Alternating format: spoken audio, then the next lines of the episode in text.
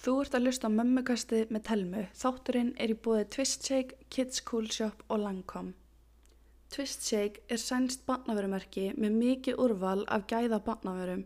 Þau eru með frábært úrval af vörum fyrir matatíman.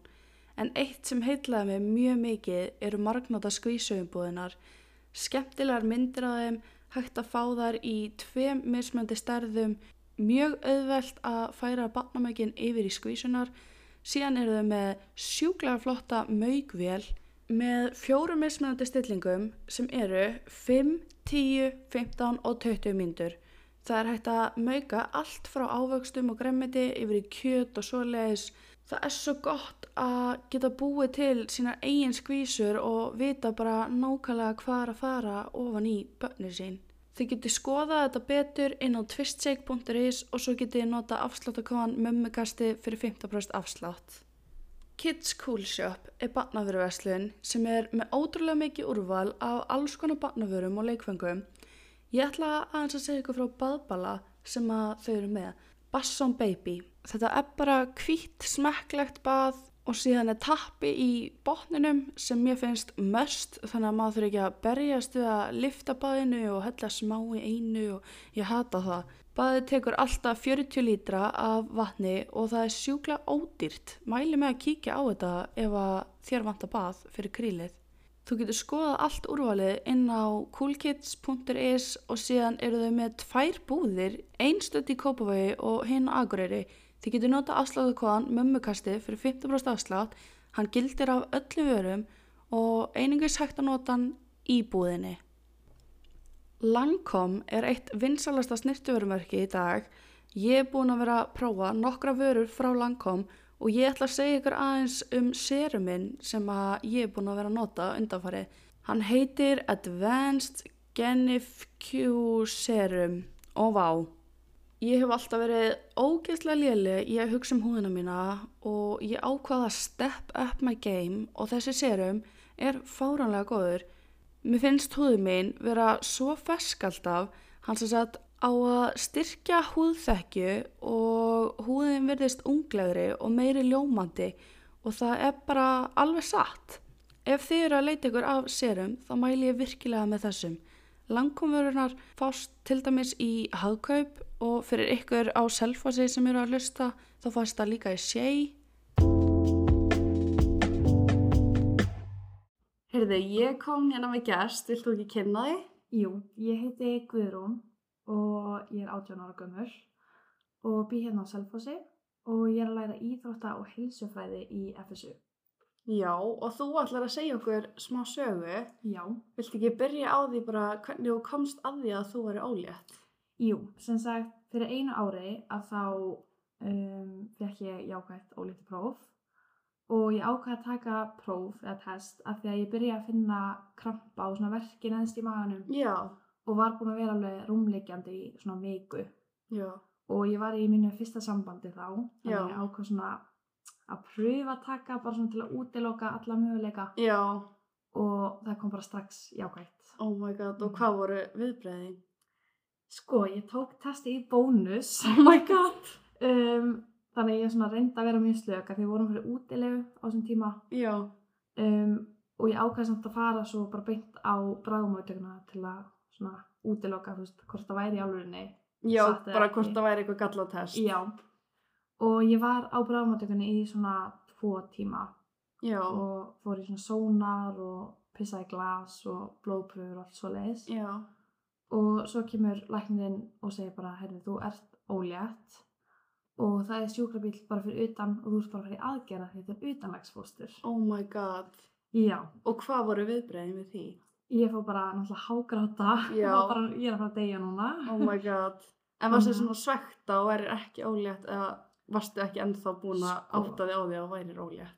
ég var einhvern veginn ekki búin að átta mig alveg á því Nei. en samt alveg svona mest leðilegt að ég gæti ekki fengið að ákveða hvort ég vildi Já, koma eða ekki. emmitt. og ég var náttúrulega líka bara mjög hrætt Já. það Það er svona smá svekkjandi. Já, Mhm. mjög. Þótt að þú hafi kannski ekkert verið tilbúin eða eitthvað. Já, þannig að þetta var svona mjög óvænt, svona tvær mjög óvænt. Já, Þannig að, já. Og ég fesast bara með sjúkrabílum í bæinn Já, og þá verandi kærastu minn fyrir með. já, og hvernig segir honum þetta?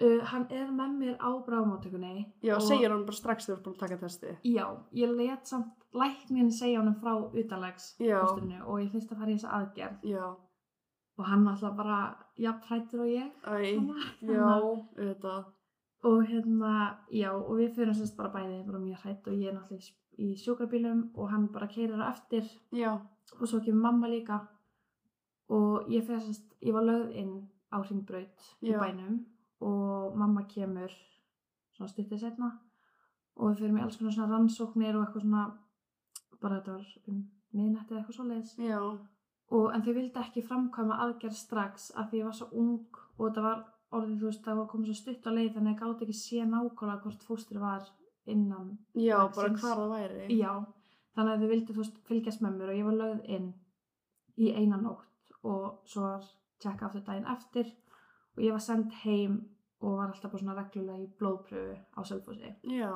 bara svona til að fylgjast aðeins með já, og svo eftir svona viku að þá sést að það er svona þungunagildin er að hækka þannig að Mhm. það var klárlega eitthvað svona fóstur þannig inni að stækka já, og ég enda náttúrulega bara með krampa og eitthvað svona já, þannig að mér var alltaf ílt og svo fór ég aftur hérna þau hringdi í mig í bænum og vildi fá mig aftur inn á ringbraut svona hvenna deild já, og þar var gefið mér sem sagt svona lif í vöðva sem að er eitthvað notið krabba minns eitthvað svona, eitthvað svo leiðis já, til að fjarlæga fóstrið svona, hann myndi bara að pissa þessu út já, Þannig að það þyrfti ekki aðgerð já, einmitt, en ég var bara mjög ánum með það og spreytaði í mig og svo fór þetta lif bara mjög illa í mig aha, já, var bara ælandi úf, og hérna fyrir svo í blóðpröfu daginn eftir og þá sést þess að gildin eru ennþá að hækka þannig að þetta bara líf virkaði ekki já, þannig ég var bara ennþá með eitthvað hann inni að já, stekka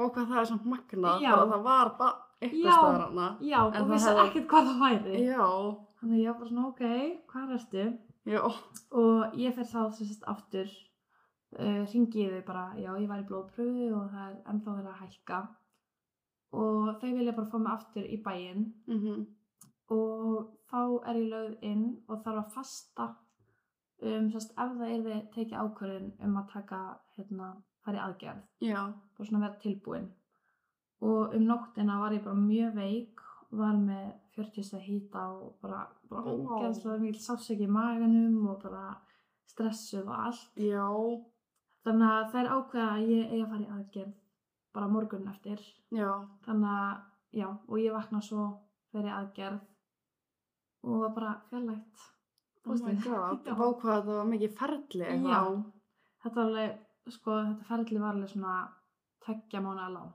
Það var- Vá. já Þannig að þú varst bara komin helviti langt Já. að leið þegar það það var Já, ég tekið var það. alveg komið sem á bumbu sko. Oh my Mhm. god.